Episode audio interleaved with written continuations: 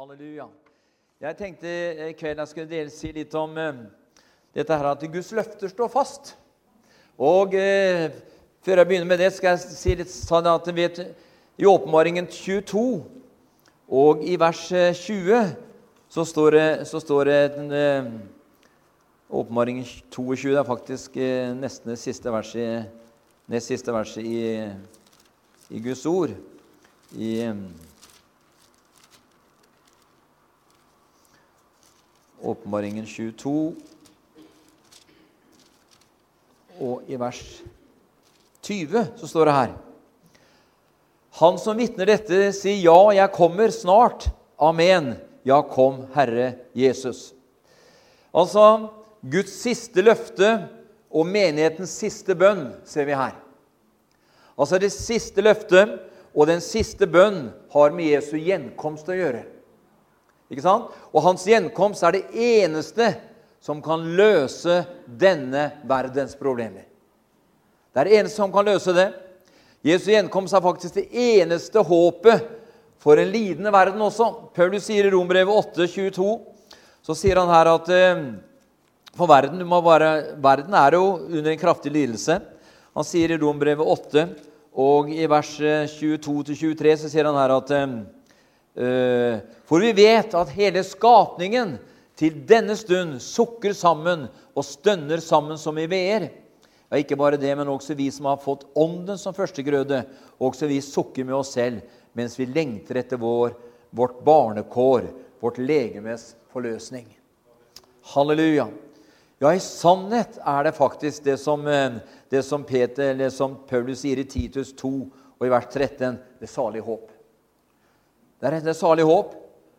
Og de som eier dette levende håp, er kun de som er født på ny.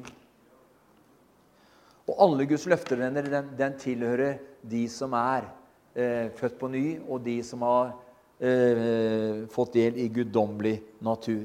Så løftet er i vers 20 her Ja, jeg kommer snart. Det er løftet. Og det, mener, og det folkets siste bønn er Ja, Herre, kom snart. Ja, Herre, kom. Så det er altså, det siste løftet var Ja, jeg kommer snart. Og bønnen er Ja, kom, Herre Jesus.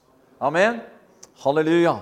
Så vi er ikke riktig der ennå. for at, uh, men uh, Dette her kommer, men det er bare for å ta en liten sånn, en, uh, en liten sånn en tanke her i forbindelse med noe av det jeg tenkte jeg skulle dele med dere her i kveld, nemlig at Guds løfter står fast. Eh, I 2. Korinterbrev 1, 18-22, de kjente versene der, har du sikkert hørt mange ganger, at, så, så, eh, at alle Guds løfter har i Kristus Jesus eh, ved ham fått sitt ja og amen gjennom Kristus. Han sier her i 2. Korinterbrev 1, og fra vers 18 til 22.: Så sant Gud er trofast, vårt ord til dere er ikke både ja og nei. Det er ikke tja heller. Det er, det er ikke både ja og nei, for Guds sønn i Kristus Jesus, han som ble forkynt blant dere ved oss, ved meg, Silvanus og Timoteus. Han er ikke ja og nei, men ja er det blitt i ham. For så mange som Guds løfter er i ham, altså i Kristus, har de fått sitt ja. Derfor får de også ved ham sitt amen, Gud til ære ved oss. Og Jeg leste en sånn en, eh, for en del år siden om en som hadde gått gjennom, uh, og gått gjennom alle, alle Bibelens totale løfter. Og de sier at det, er, at det er rundt 33 000 løfter i hele Guds ord, fra gamle, både gamle og nye pakt. Så er det ca. 33 000 løfter. Og eh, vi vet at alle disse løftene, sier Paulus her i 2. Korinterbrev 1, og, eh, eh, og, vers 18-20, 18 så sier han her at eh, de har fått sitt ja og sitt amen igjennom Jesus Kristus. Halleluja. Så Eh, sannheten er venner, at alle Guds løfter eh, har fått sitt ja og amen gjennom Jesus Kristus. Jeg satt og eh, så litt på det her i går kveld og tenkte på den der, eh, sangen som, eh, som, som, Morten sang her, at løftene kan ikke svikte. og vi vet at De to første versene det var jo den svenske, svenske høvdingen, pinsehøvdingen Levi Petrus som skrev, den, som skrev den sangen der. Og han, eh, og går inn og finner ut hvordan den sangen kom til, så ser vi da at eh, de to første versene skrev Levi Petrus i 1913. Da hans kone var alvorlig syk. Så skrev han de to, de to første versene. De, resten, eller de andre versene ble til, ble til, under en annen motgangsperiode i Levi Petrus sitt liv, i 1915. Eh, derfor så eh, var sangen sånn vi hørte Løftene kan ikke svikte. Nei, de står evig fast. Jesus hvert ord har beseglet den gang hans hjerte brast. Himmel og jord skal brenne, høyder og berg forsvinne, men den som tror, skal finne løftene rokke seg. Vi vet at, eh, at denne himmelen og jord skal en dag få gå. Men den som tror, forblir til evig tid, og Gud har et løfte om nye himler og en ny jord. Gjør du som Abraham gjorde, skru, sku du mot himmelen opp. Da, mens du stjerner teller, teller, vokser din tro, ditt håp. Tror når det mørkner på ferden, solen ei sloknet har, kun noen timer og siden stråler en morgen klar. Himmel og jord skal brenne, høyder og berg forsvinne, men den som tror, skal finne løftene rokke seg. Tro selv om verden forfølger, med deg i ovnen går en, med deg i ovnen går en lik en gudesønn herlig, prøven du trygt består. Tro selv om vennene svikter, tro når kun en står Tro når kun én står med Jesus din venn, vil deg følge daglig med all sin ferd. Himmel og jord skal brenne, høyder og berg forsvinne, men den som tror, skal finne løftene rokke seg. Tro under alt som skal eh, Tro under alt som deg møter. Snart er du jo hjemme. Da skal du for evig beskue det som du trodde her. Himmel og jord skal brenne, høyder og berg forsvinne, men den som tror, skal finne løftene rokke seg. Og igjen, himmel og jord skal brenne, høyder og berg forsvinne, men den som tror, skal finne løftene rokke seg. Så ser vi en sånn høvding som, Peter lever, nei, som, eh, som lever Petrus. Han hadde jo, hadde jo utfordringer, han òg. Eh, og eh, når likevel så forsto det, så skrev han den sangen her i 1912 og i 1915. Når han kom, var i en krisesituasjon, eller i, hvor det var en eh, litt vanskelig situasjon. Men Gud fridde jo ut. For det står at 'mange er den rettferdiges plager'. Eller faktisk det kan nesten oversettes med ulykker også. Men Herren frir ham ut av de alle. Så venner, Vi har ikke et eneste løfte Vi har vel ikke et løfte på at vi ikke skal unngå, unngå, unngå eh, motgang og, eh, og, eh, og, prøvelser. Tvert om så har vi, så har vi mange av den rettferdiges plager. Men Herren frir ham ut av det vanlige. Det vil si at Gud er mektig til å føre både deg og meg ut av alt det som ikke så behagelig er i, vi, eller som vi kan oppleve her på denne jorda. Så vi vet at noen av Guds framtidsløfter for de som tror, det er i Fesbrevet 1 og fra 9 til 10. Det var vel egentlig kanskje det, det som vi hørte til innledning her òg. i Fesbrevet 1 og vers 9 til 10, så står det her «Eh, Da han kunngjorde oss sin viljes hemmelighet etter sitt frie råd, som han forut fattet hos seg selv. Vet at Gud Fader, når han tok en beslutning, hvem skulle han samarbeide med? Hvem skulle han rådføre seg med? Nei, han er selv sitt eget besluttende råd. Trenger, Hvem kan råde han? Hvem kan veilede han? For Da må, måtte det være en som er større enn han. Men det fins ingen som er større enn Gud. Han er alfa og omega, han er begynnelsen og enden. Da han kunngjorde oss sin viljes hemmelighet etter sitt frie råd, som han forut fattet hos seg selv, om en husholdning i tidenes fylde og samle alt til ett i Kristus, både det som er i himmelen, og det som er på jorden. Så her ser vi et av Guds framtidsløfter for den som er i Kristus Jesus, nemlig å samle alt til ett i Kristus, både det som er i himmelen, og det som er på jorden.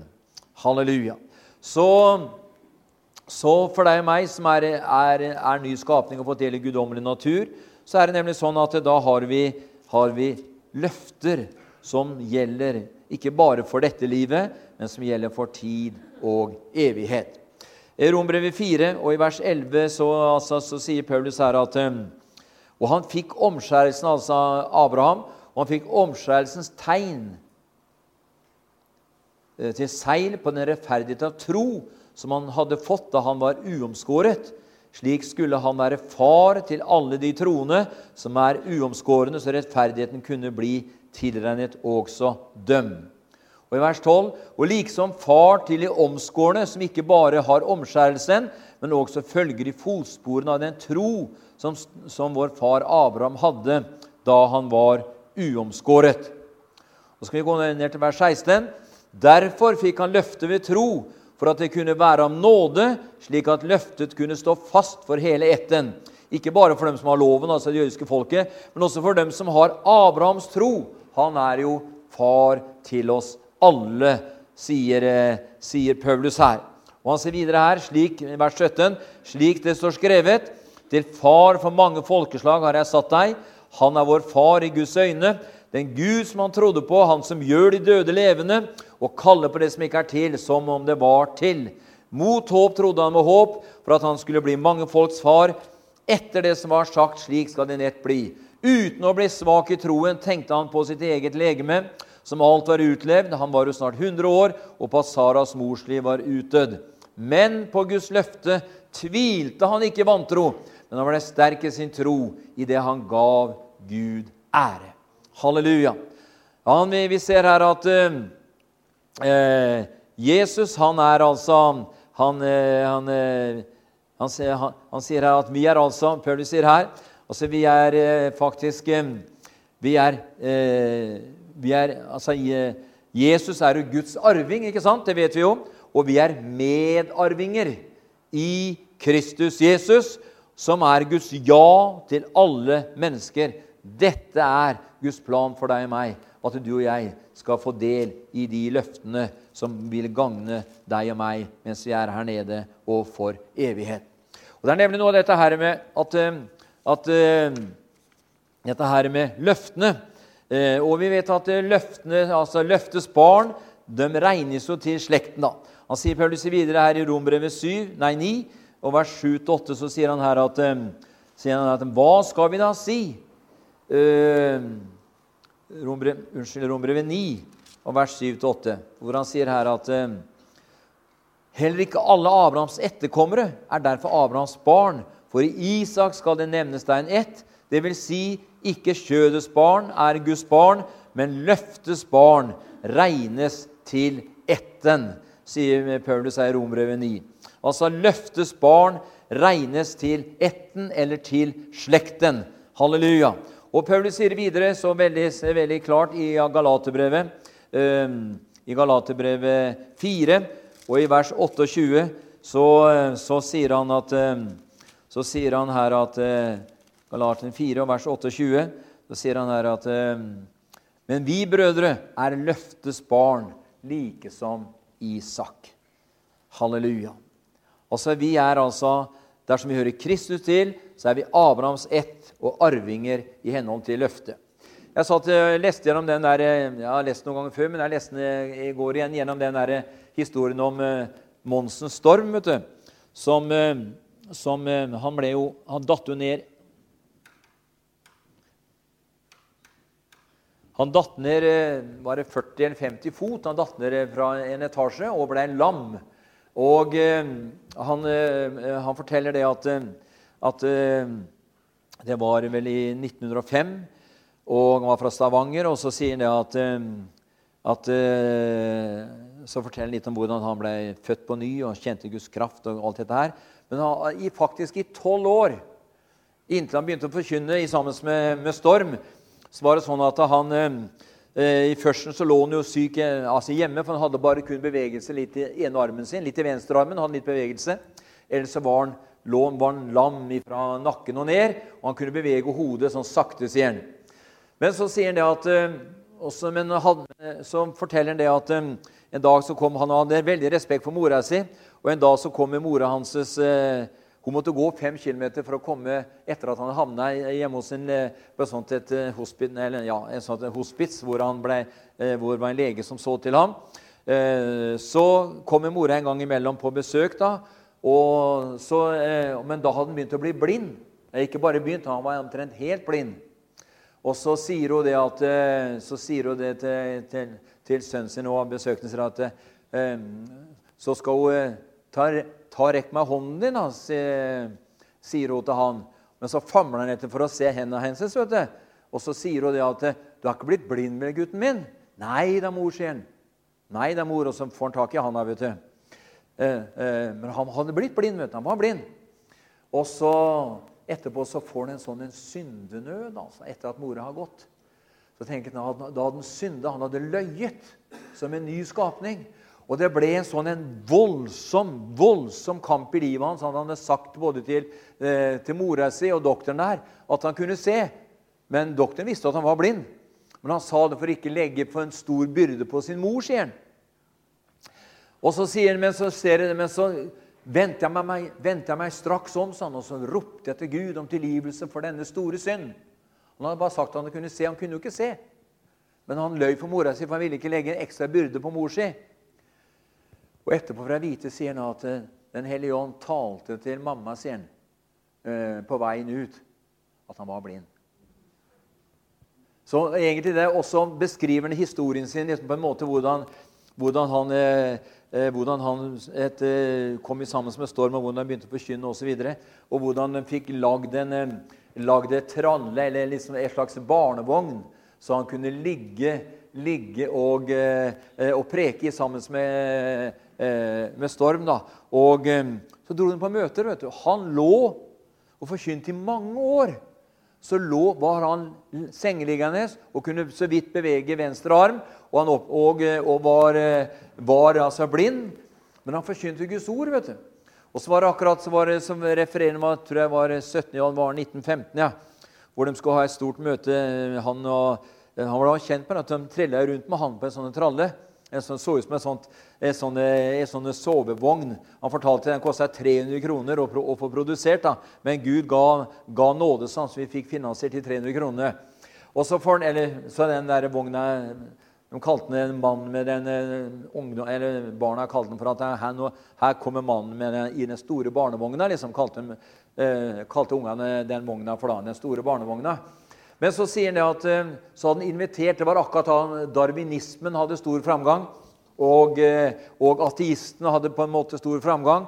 Og så hadde han og kameraten, eller broderen, blitt enige om at de skulle innkalle til et møte eh, hvor, de skulle, eh, hvor, de inviterte ateister, eh, gudsfornektere, eh, darwinister og eh, anoxlit Alle som ikke ville ha noe med, ha noe med, med Gud å gjøre. Og så, så var det fullsatt sal i den salen de hyrte inn der. Det var 2500 var fullsatt, og så var det folk på yttersida. Og han ligger på vogna og preker, og han sier jeg aldri hadde innfunnet meg med følgende sånn at jeg ville, at jeg ville være lam inntil han reiste herfra. Men så sier han at, at han fra Den hellige ånd sa til ham at, han at han skulle invitere alle disse her gudsfornekterne, da, spesielt gudsfornekterne, for Herren hadde sagt at hvis du ikke advarer altså gudsfornekterne og, og darwinistene, så vil de gå til helvete, sa Herren til ham. Så han kjørte det budskapet. altså. Og det som skjedde var at Mens han hadde forkynt en time, og så beskriver han sjøl, så var det akkurat som jeg kjente det lese litt i hele kroppen min. sier han. Og så kom det en, så gikk det litt, så kom det en ny så, så, kom, så kom det en kraftig ristning i hele kroppen min. sier han.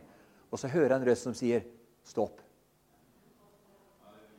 Og så var han litt usikker med samme. da. Så kommer røsten igjen. Stå opp. Og så reiste han seg opp på podiet der fra han lagt tolv år. Reiste han seg opp der sånn. Og det er klart at Da gjorde Gud en manifestasjon. vet du. Alle visste hvem han var.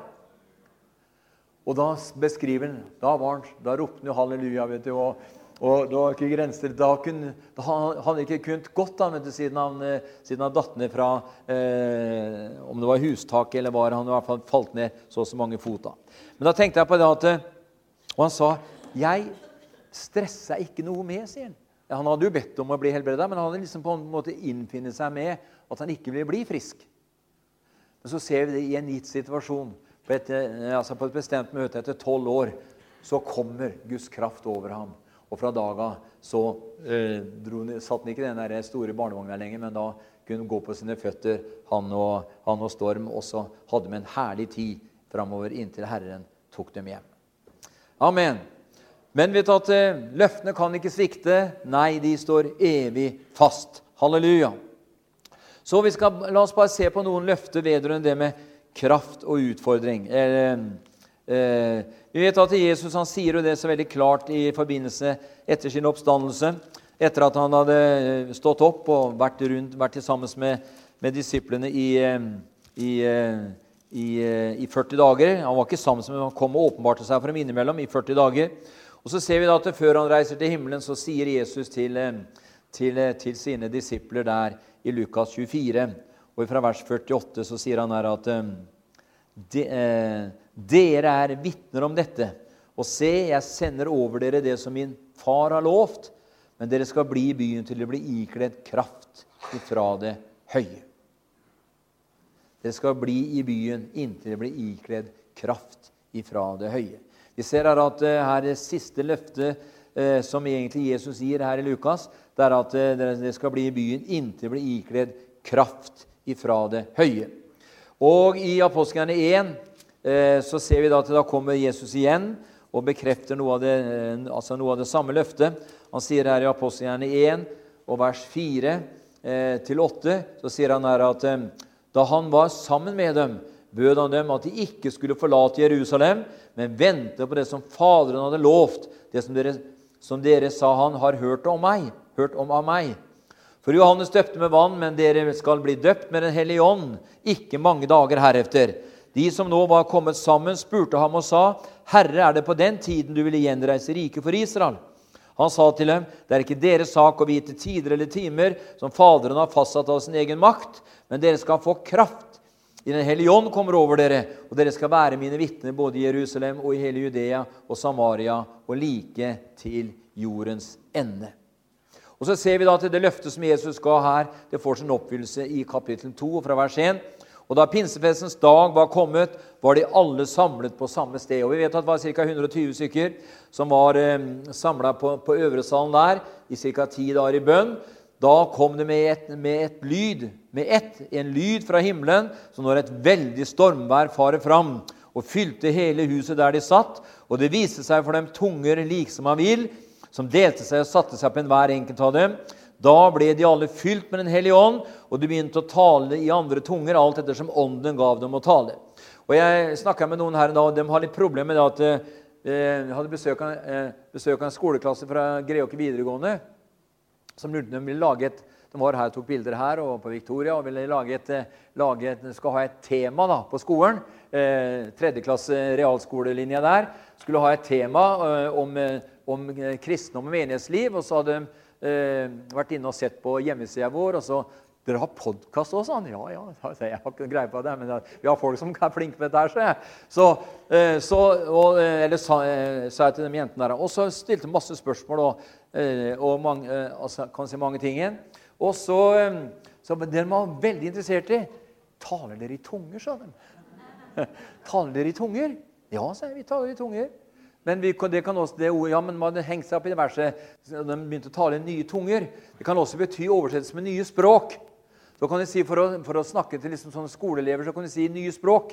Fordi at det var nemlig til stede i Jerusalem på den pinsefestens dag. Så var det jøder til stede fra hele dav, den daværende verden.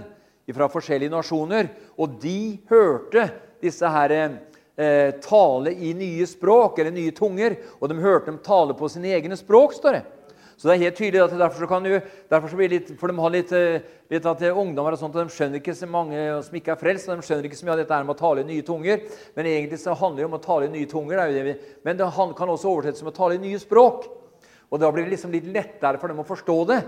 Og da gjorde jeg noen eksempler for, tok for eksempel noen eksempler for dem. da. For eksempel, så kom talte jeg litt i tunger, og så, så, kom, så forklarte jeg liksom hvordan, dette, hvordan, dette, her fungerer. Da Da ble jeg nesten profetisk. nesten, vet du, så, så, nei, men det var, de var veldig åpne. og... Eh, eh Trond etterpå kjørte dem hit. De tok bilder her av dåps. Eh, vi fortalte at vi trodde på Eh, trodde på, eh, trodde på trones dåp. og tok bilder av bassenget her og inne her og hele. Og de skal lage et helt, lage sånn, et sånn et kompendie, ikke kompendie, men de skal ha det som en oppgave da, i altså tredje klasse på Greåker videregående på, på reallinja der. sånn. Så det blir Spennende å se hva de skriver, da. Men de var veldig, spurte, ingen av dem var født på ny, ingen av dem var frelst. Men de var veldig åpne. altså. Veldig åpne. Og ville gjerne høre hva vi trodde på, og hva vi var interessant i troen.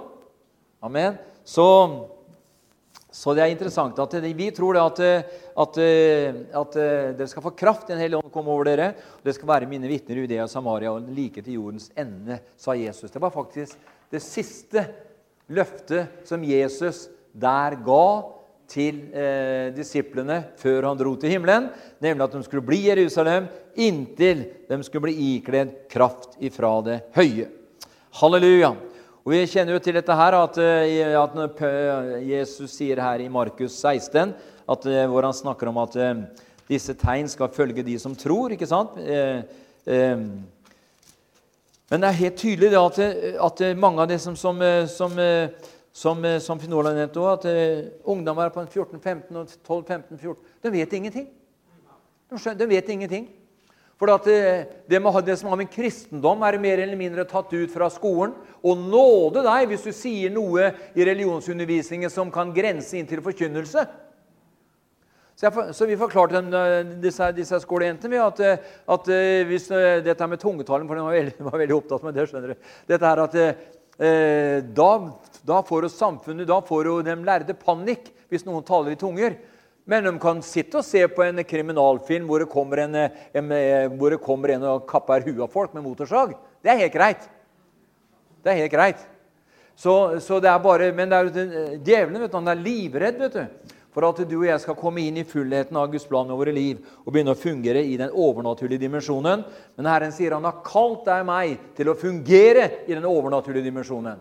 For det, dersom, det, fordi dersom jeg har fått del i guddommelig natur, så har vi kommet inn i et eh, overnaturlig liv. Og det er nemlig i det livet som, eh, som gjør at du og jeg kan fungere på en overnaturlig måte. Amen. Så eh, løftet da i, i Markus 16 det var nemlig dette fra vers 15. Og han sa til dem, gå ut i all verden og forkynn evangeliet for all skapningen. Den som tror og blir døpt, skal bli frelst. Men den som ikke tror, skal bli fordømt, og disse tegn skal følge dem som tror. I mitt navn skal de drive ut onde ånder, og de skal tale med tunger. De skal ta slanger i hendene, og om de drikker dødelig gift, skal de ikke skade dem. På syke skal de legge sine hender, og de skal bli helbredet. Så ble Herren Jesus, etter at han hadde talt dette til dem så er helt tydelig det også at det er også en del av den, eh, den samme informasjonen som Jesus ga dem før han dro til himmelen, som han sa til at de skulle bli i Jerusalem inntil bli kreft, eller hvor han sa i, i Apostlene 1 der at dere skal få, få kraft i Den hellige ånd kommer over dere. For de var så opptatt med når oppretter du riket for Israel og også dette her. Og Da sier Jesus at det er, ikke, det, er, det er, ikke, det som er så viktig, men det som er viktig, det er at dere får kraft, eh, slik at dere kan bli forkynne evangeliet osv. Så, så ble Herren, så, vers 19, så ble Herren Jesus, etter at han hadde talt dette til dem, opptatt i himmelen, og han satte seg ved Guds høyre hånd. Men de altså gikk ut, disiplene, og forkynte overalt, og Herren virket med og stadfestet ordet ved de tegn som fulgte med. Her ser vi da at eh, og Det er ikke ikke noe nytt, det, men vi kan gjerne friske opp det som, eh, det som er sant her. Her ser vi at løftet til den som tror og blir døpt. Den som tror og blir døpt, skal bli frelst. Og den som ikke tror, osv., er allerede fordømt. Og disse tegn skal følge de som tror. Det, det, står ikke at disse tegn skal følge dem som håper, eller dem som uh, kunne tenke seg det, men disse tegn skal følge dem som tror. I mitt navn skal de drive ut ånder, og de skal tale i nye språk eller i nye tunger osv. Halleluja. Så er så spørsmålet da at uh, livet til tro Vi vet at, uh, at det er den som treder fram for Gud, står det, sier, si, si Hebrevet. Han må tro at Gud er til, og at Gud lønner den som søker ham.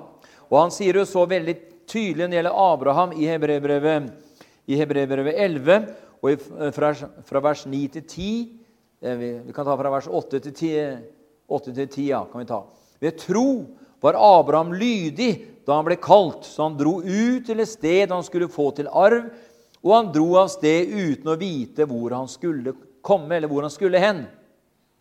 Ved tro levde han i løftesland som i et fremmedland. Han bodde i telt sammen med Isak og Jakob, som var medarvinger til det samme løftet. For han ventet på staden med de faste grunnvoller, den som var Gud til byggmester og skaper. Hva vi ser her i vers 9. Ved tro levde han i løftesland som i et fremmed land. Altså Det betyr ganske enkelt at selv om Abraham befant seg i fremmedland For han sa jeg har ikke her noe blivende sted, men han så fram mot staden med de, med de faste grunnvoller. Sånn er det med deg og meg også. Dette, denne jorden, det, dette, dette, her er ikke ditt og mitt um, fedreland nummer én. Du og jeg vi har et Vårt fedreland er i himmelen. Og Det er derfor han sier selv om Abraham befant seg i fremmed land, så levde han i fremmedland som om han allerede befant seg i løfteslandet. Og Det er nemlig det du og jeg skal gjøre også. Altså Dersom du og jeg er nye skapninger i Kristus Jesus, og den rettferdige skal leve av og ved tro, så kan du og jeg allerede her i tiden begynne å, begynne å leve som om vi allerede befant oss i løfteslandet. Halleluja! Det er nemlig det Abraham gjorde. Han befant seg i fremmed land, men allikevel så levde han som han befant seg i løfteslandet. Og du og jeg, vi er jo allerede ved troen, sier Paulus i Efesbrevet 2. Vi er allerede ved troen satt i himmelen med ham, for allerede her i tiden herske og regjere med ham. Halleluja! Så når denne her sannheten går opp for oss, så hørt om så langt her i kveld at uh, dette her med at vi har fått del i guddommelig natur så Når denne forståelsen går opp for oss at ja, men er en, du er ikke bare en stakkars fattig synder frelst av nåde. Du var en gang død i dine synder og overtredelser, men ved troen på Jesus Kristus har du blitt en ny skapning. Du har blitt rettferdiggjort av tro av bare nåde. Halleluja! Og det er det nye livet eh, i Kristus Jesus som, eh, som, Herren vil at vi skal eh, blomstre i og utvikle oss i og vokse i på en slik måte at vi kan begynne å leve det nye livet som Abraham. Halleluja! Han er vår far i troen. Halleluja! Abraham trodde Gud, står det og det ble regnet ham til rettferdighet. Og du og jeg, sier, sier Paulus i, i, i, altså i Romerbrevet 5, vers 1, da vi nå er rettferdiggjort av tro, så har vi fred med Gud ved vår Herre Jesus Kristus. For han som ikke visste av synd, sier 2. Korinterbrev 5, han ble gjort til synd for deg og meg, for at du og jeg ved troen på ham skulle få del i Guds rettferdighet. Halleluja. Og Derfor så trenger vi mer enn noen gang nå i år 2020 venner, å få tak i denne hemmeligheten, nemlig at vi allerede er ved troen plassert i himmelen. Ikke bare i, på en hvilken plass, eh, ikke på et hvilket som helst sted i himmelen heller, men vi er plassert i himmelen i Kristus Jesus. Halleluja! For allerede her i tiden herske og regjere med ham. Og Hvis denne bevisstgjøringen Eh, tar, eh, blir åpenbart for deg og meg, så kan du og jeg begynne å leve her i fremmed land som om vi allerede befant oss i løfteslandet. Amen.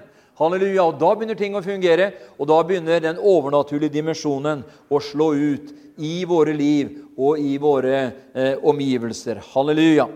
Så eh, derfor, stå, derfor at, så sa Rombrevet 24, eller sier Rombrevet 24, som jeg leste, på Guds løfte tvilte han ikke. I vantro, står det, men han ble sterk i troen i det han ga Gud ære. Så er det forskjell på eh, å tvile i vantro og det å tvile. Det står at eh, på Guds løfte tvilte han ikke i vantro, men ble sterk i troen i det han ga Gud ære. Det betyr ganske enkelt at eh, perioder som kunne nok tvilen forsøke å komme, den naturlige tvilen forsøke å komme, men han, han, eh, han, eh, han, lot ikke den tvilen eh, ta herredømme og eller på en måte bli en, en, eh, bli en, sannhet i hans liv. For Han sier at på Guds løfte tvilte han ikke i vantro, men ble sterk i sin tro i det han gav Gud ære. Så det å tvile i vantro, da har du bestemt deg. Da har du besluttet dette vil jeg ikke tro på. Nei, men, en ting du, men du kan komme i tvilstanker. da. Eh, det var sikkert Abraham innimellom oss. Ellers hadde vi ikke, ikke Ismael eh, kommet. Men eh, nok om det. Men det som var at ja, men på Guds løfte tvilte han ikke, men han ble sterk i sin tro i det han gav Gud ære. Halleluja. Og det herlige verset her i, i 2. Peter vet du, Vi var vel litt litt innpå i 2. Eh, Peter 3. Og fra vers 9, 9-14 eh, så står det her Herren er ikke sen med løftet, slik noen holder det for senhet.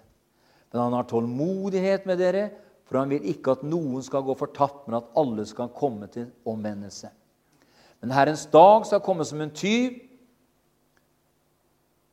men Herrens dag skal komme som en tyv, og da skal himlene få gå med veldig brak, og himmellegemer skal komme i brann og gå i oppløsning, og jorden og alt som er bygd på den, skal brenne opp. Det er jo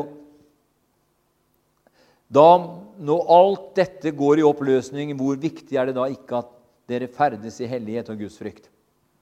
Mens dere venter på at Guds dag skal komme og fremskynder den, da skal himlene, opp, himlene oppløses i ild og himmellegemene smelte i brann.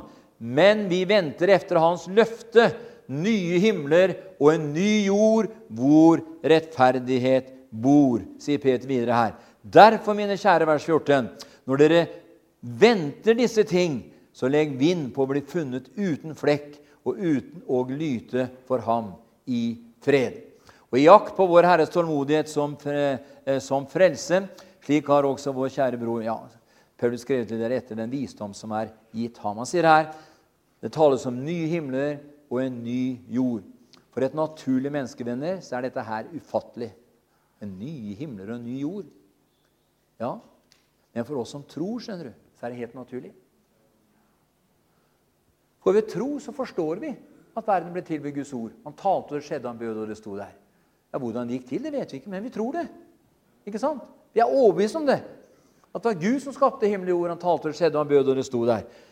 Og, eh, men for et eh, naturlig menneske så er det helt umulig for et eh, naturlig menneske å fatte og forstå dette her. For den som tror, skjønner du, han lever ikke ut ifra hva hans fysiske sanser forteller ham, men ut ifra tro. Du og jeg vi er en troende, og derfor kan ikke du og jeg leve ut ifra hva våre fysiske sanser forteller oss, men vi lever i tro. Halleluja. Og da blir det som det, som det står i som Paulus sier i 2. Korinterbrev 5, og i vers 7 så, så, eh, så, sier Paulus her at eh, For vi vandrer i tro, ikke i beskuelse. For vi vandrer i tro, ikke i beskuelse. Halleluja.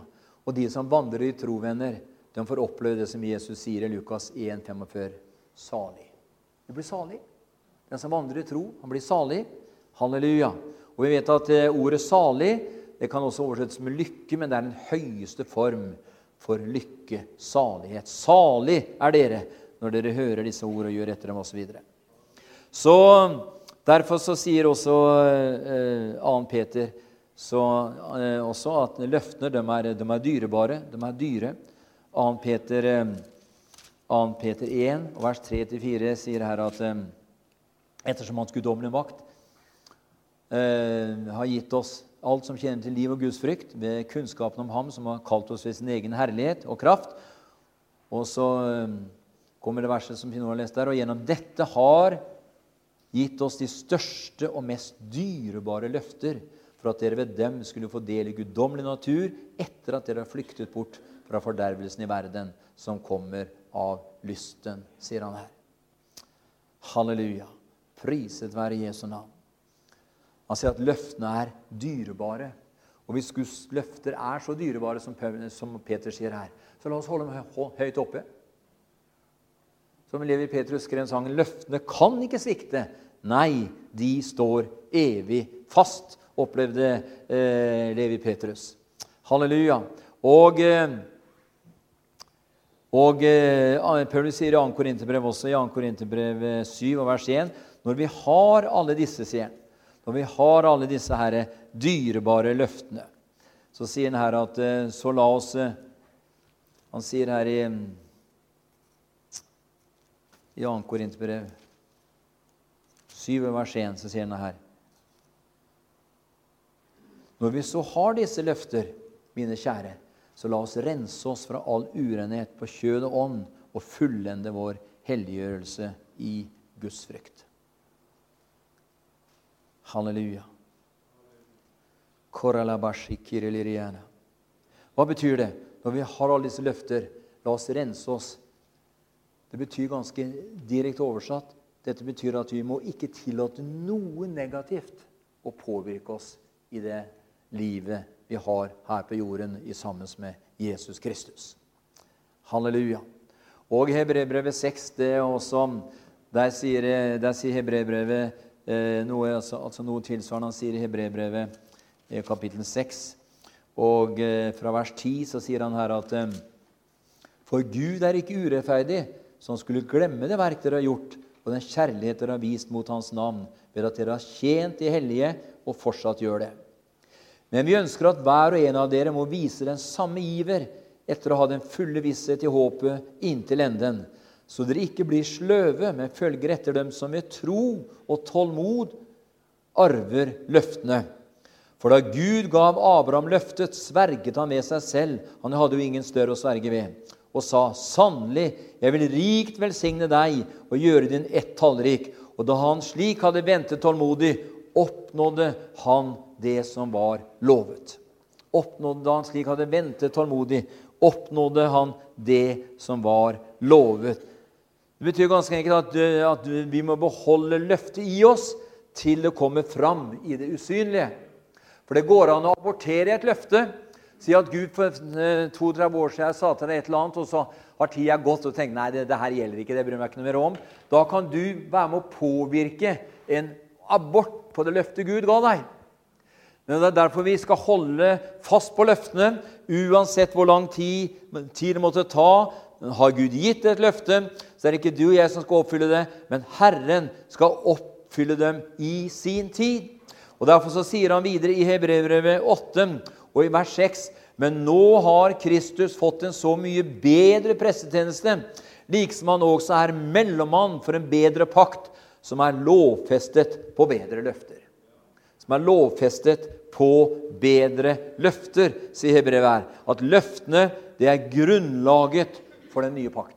Det er grunnlaget for den nye pakt, som i, eh, som i, eh, i 2. Korinterbrev 3 eh, sier at, han, hvor han skriver at det, altså de er altså nedskrevet i den himmelske grunnloven og er egentlig uforanderlig. De er uforanderlige i 2. Korinterbrev 3. Og eh, jeg skal bare lese dem, jeg skal ikke si det, jeg skal bare lese den, 2. Korinterbrev 3 og fra vers 7. Når da dødens tjeneste den som med bokstaver var innhogd på steiner, hadde en slik herlighet at Israels barn ikke tålte å se Moses ansikt pga. glansen i hans ansikt, den som snart forsvant. Hvor mye herligere skal da ikke åndens tjeneste være? For hadde fordømmelsens tjeneste sin herlighet. Hvor mye rikere på herlighet må da rettferdighetens tjeneste være? For det som var herlig, har nå ingen herlighet i forhold til denne overveldende rike herlighet. For når det som svinner, var herlig, da må det som varer ved, være langt mer herlig. Da vi altså har et slikt håp, sier Paulus, går vi fram med stor frimodighet. Vi gjør ikke som Moses, som la et dekke over ansiktet for at Israels barn ikke skulle se slutten på det som svant. Men deres sinn er blitt forherdet, for helt til denne dag blir det samme dekket liggende når de leser den gamle pakt, og det blir ikke tatt bort, for det er bare i Kristus det blir fjernet. For det er bare i Kristus det blir fjernet. Helt til denne dag ligger et dekke over deres hjerte når Moses blir lest, sier Paulus her.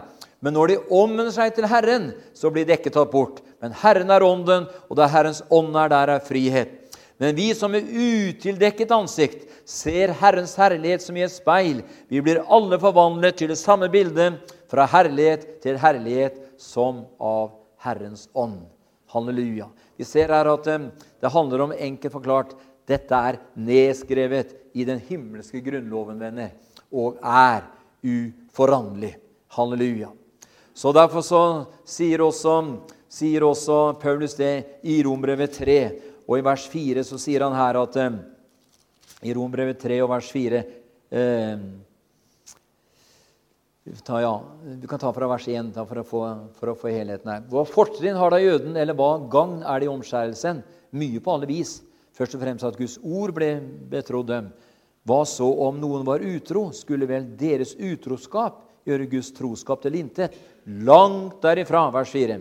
La det stå fast at Gud er sannferdig men hvert menneske er en løgner, som det står skrevet, for at du må kjennes rettferdig i dine ord og vinne når du fører din sak.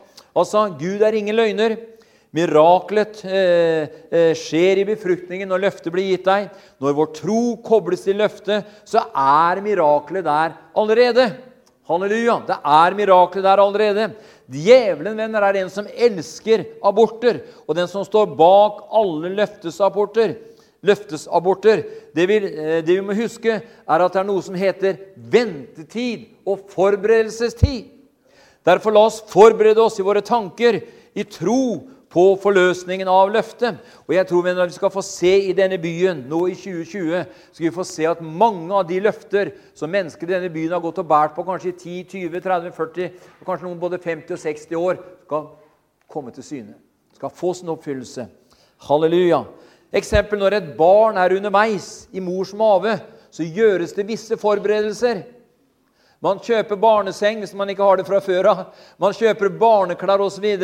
Man er med andre ord forberedt på at en fødsel skal finne sted. Og Sånn er det også i den åndelige verden. venner, er det på samme måte. Ordet, se den, den er først skjult. Deretter gjør det sitt verk, og en dag er det kommet fram i det synlige, akkurat som barnet. Mot slutten av graviditeten så ser kvinnen en del annerledes ut enn i begynnelsen. Ikke sant? Like før fødselen ser du litt annerledes ut. Og Sånn er det med deg og meg som går, går og bærer på et løfte. skjønner Du Det er litt du, du og jeg vil oppføre oss litt annerledes like før, like før barnet kommer. Halleluja. Og Guds ånd den ruger over denne by, den ruger over ditt liv, den ruger over vårt liv, på, over de løfter som Gud har gitt oss ned gjennom tidene. Og den bare venter på den rette, beleilige tiden. Når fødselstidspunktet er inne, så bryter det gjennom som, eh, si, som vann bryter gjennom, ja. For det gjør jo det i en naturlig fødsel. Si. Men altså, det kommer til å skje at, eh, at, vi holder fast ved de løftene Gud har gitt oss, venner, og Han skal oppfylle det. Halleluja. Og Sånn er det nemlig at med den som griper fatt i løftet like, eh, eh, Og like før barnet eh, fødes, så oppstår det rier og veer. Eh, og, og derfor er det så viktig det er, det, er, det er, ikke noe du kan holde skjult. Hvis et menneske er gravid og går mot eh, slutten på den niende måneden, holdt jeg på senere, på den måneden, eller rundt, altså rundt tidsregnet, eller rundt det tidspunktet hvor fødselen finner sted, så er kvinnen annerledes å se til enn hun var ni måneder tidligere. Og det er andre symptomer som, eh, eh, som, som, som åpenbares mot slutten før fødselen enn det skjedde eh, en for ni måneder tilbake. Og slik er det også, venner, eh, med, med, altså med deg og meg. Jeg, eh, altså når løftene kan ikke svikte. Nei, de står evig fast. Og de personlige løftene Gud har gitt deg, som kanskje var for lang tid tilbake, og som kanskje virker, fremme, virker som, som, de er langt borte og kommer det til å skje eller ikke skje osv., så, videre, så er det nemlig sånn at la omgivelsene se at du er gravid. La dem se at du er gravid med et løfte. Tal om det som Gud har talt til deg. Så sånn at det ikke er noe helt personlig som bare gjelder deg. Men det er noe Gud har talt til deg om f.eks. om situasjonen i familien din, i slekta di, i menigheten, i byen eller et sted hvor du bor på, som du har gått og båret på lenge. Tal om det! Rop det ut, så folk får høre det, hva du går og bærer på. For du skjønner at det, det, det, det er en bekreftelse på at du er gravid. Du er åndelig gravid med et løfte som Gud har deponert ned i ditt hjerte. Ta vare på det løftet og hold det friskt i minne. Minn Gud på det, minn deg selv på det. Og skriv gjerne løftet ned. Ha gjerne et eget, noen ark eller hva det enn måtte være. Tegn dem ned, rist dem inn på tavler. Og sett, dem, sett, gjerne en lapp på kjøleskapet eh, der, der, du ofte beveger deg, liksom. Så, så du blir minna på de løftene du har bærer på hele tida. Så sier du 'Takk, Herre, halleluja'. Takk at det var 1978 du ga meg det løftet, Herre. Jeg holder fast ved det, for jeg vet det er like før. Amen. Halleluja. Og når du hele tiden bare minner Gud på at, at du er eh, gravid i, i niende måned, holdt jeg på å si, eller hvor langt det har kommet på vei, så bare hold løftet oppe. Eller hold løftet oppe, og la omgangskretsen din merke at du er gravid med et løfte fra himmelen. Halleluja. For det komme skal det, skjønner du, og det skal ikke dryge. Og de løfter Gud har gitt denne, til denne by og til dette fylket, Østfold, det er, eh, det, er, eh, det er, mange sterke løfter Gud har gitt her, helt fra Hans Haugesdager og helt fram til i dag så har Gud gitt sterke løfter både til området her og til fylket her, men også gitt sterke løfter til deg. Halleluja. Og de løftene Gud har gitt til deg, skjønner du, det gjelder deg. Og dem, de, må du, de, må, de må du friske opp, og så må du bare minne Gud på det. Ja, halleluja. Takk, skal du si til her, Så må du bare la omgivelsene merke at du er gravid. Halleluja. Du har tro på vekkelse. Ja, men snakk om vekkelse. Snakk om det. Snakk om det som om det allerede var til. For troen taler om det som ikke er til, som om det var til, og det blir til. Amen. Halleluja. Og Sånn er det også at Abraham han kalte seg, han endra navn på ham før han ble far. Han bytta navnet fra Abraham til Abraham, folk, eh, mange folks far. Så når eh, han var ute, på, ute, med, ute med og så på kamelene sine, eller hva han gjorde, så var det mat, og så ropte Sara, 'Far til mange folk, kom og spis! Det er mat!' Nå hadde han sikkert tjenerskap også i tillegg, da. så kanskje det var den som ropte med Abraham. 'Far til mange folk, kom og spis!' Altså, og det var noen som trodde at han var gale. Da klikka jeg for dem. Abraham er jo en gammel mann, og Sara er jo også gammel. Så han bytte navn til mange folks far. Det er helt sykt. I det naturlige hjernen her så er det helt sykt og helt sprøtt. De lo sikkert ofte. Men hver gang Abraham skal ha mat, så var det 'Far til mange folk, kom!' Det er mat eller et eller annet hva han skulle samles for. Og Sånn er det skjønner du, med troen, venner. Den talen hvis den ikke er til, som om det var til, og det blir til. For når troen er basert på et løfte Gud har gitt deg Halleluja. Halleluja. Så har du et eller annet sykdom, et eller annet problem, så bare si ja, han såret har fått legedom. Ja, men jeg ser det, kan noen si da. Du er jo så sjuk og elendig. Ja, men han såret har fått legedom. Halleluja. Så bare holder du, hold, så holder du fast på det, og så vil du plutselig erfare at en dag så bryter det igjennom. Halleluja. Så la menneskene se at du er gravid, for ut fra den måten du lever og taler, ut fra den måten du lever, taler og oppfører deg på. Men vi vet venner, at underveis i graviditeten så kan ting hende etter at, man, etter at man har blitt gravid. Nå snakker jeg om den åndelige graviditeten. Det kan komme sykdom i bildet.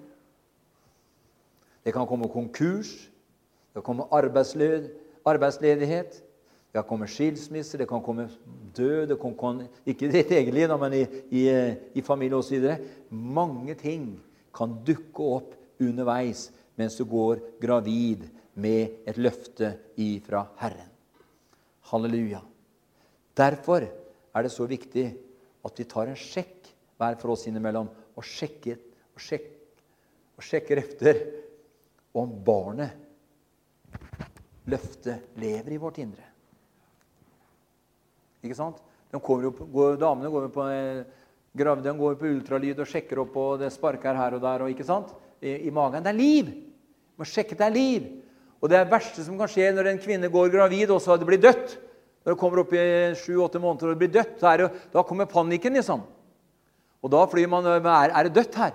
Nei, må, og, så, og, så, plutselig så spenner det til. som Amen, det er liv her. ikke sant? Og sånn, er, sånn kan det være med et løfte som Gud har gitt deg og meg også. Det kan være sånn at det plutselig kan virke som det er dødt. Men la oss nå innimellom bare kjenne etter om det er liv i løftet. Amen. Halleluja. For er løftet gitt av Gud, skjønner du, og du og jeg ikke har forkasta det, så er det liv i det. Halleluja. For det kan være litt sånn stille. Så kan man bli urolig. Akkurat samme måte som eh, mora kan bli litt urolig hvis det blir litt stille. Og så, så, så begynner hun å sjekke etter, og så plutselig så sparker det til, og så fryder hun seg over at det er liv der inne. Vi vet at tyven han har kommet for å stjele, myrde og ødelegge. Men Jesus sa, 'Men jeg har kommet og skal ha liv og liv i overflod'. Halleluja. Og Gud har planlagt liv og liv i overflod for deg. Amen. Ja, men Jeg fikk noen løfter en gang. og Det var, liksom, det var sånn ekstraordinært møte, og det var liksom så mye sånn tjo og hei. og Det var sikkert noe jeg innbilte meg.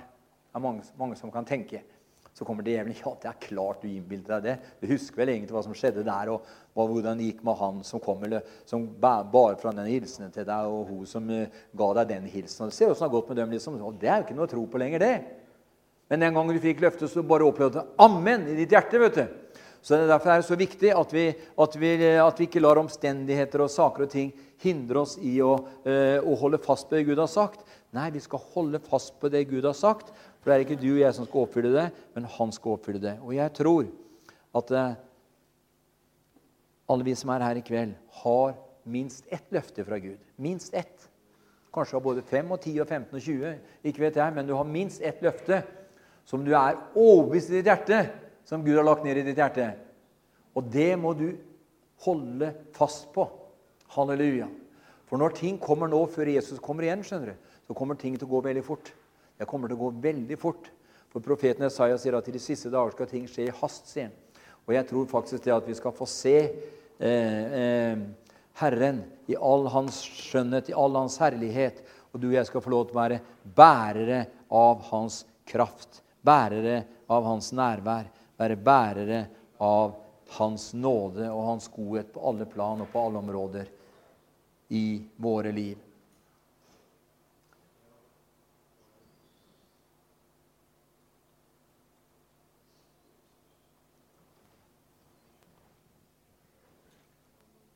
Når du kom til tro på, når du kom til tro på meg, sier Herren for mange, mange, mange tiår siden, så hørte du røsten jeg sa til deg.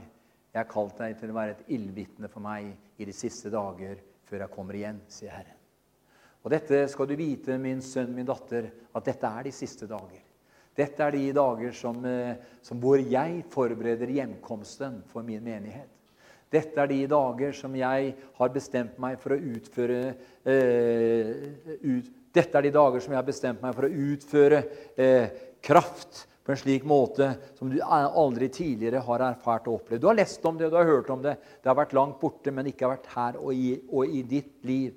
Men dette skal du vite, sier han som kaller oss som utvelger, at eh, jeg skal reise opp ildvitner i de siste dager. Du har hørt akkurat det ordet 'ildvitner'. Jeg har kalt deg til å bli et ildvitne for meg i de siste dager, sier Herren. Og nå kommer den dagen, den nærmer seg med raske skritt, da jeg skal fylle ditt beger så det flyter over, og jeg skal tenne ild på deg, sier Herren.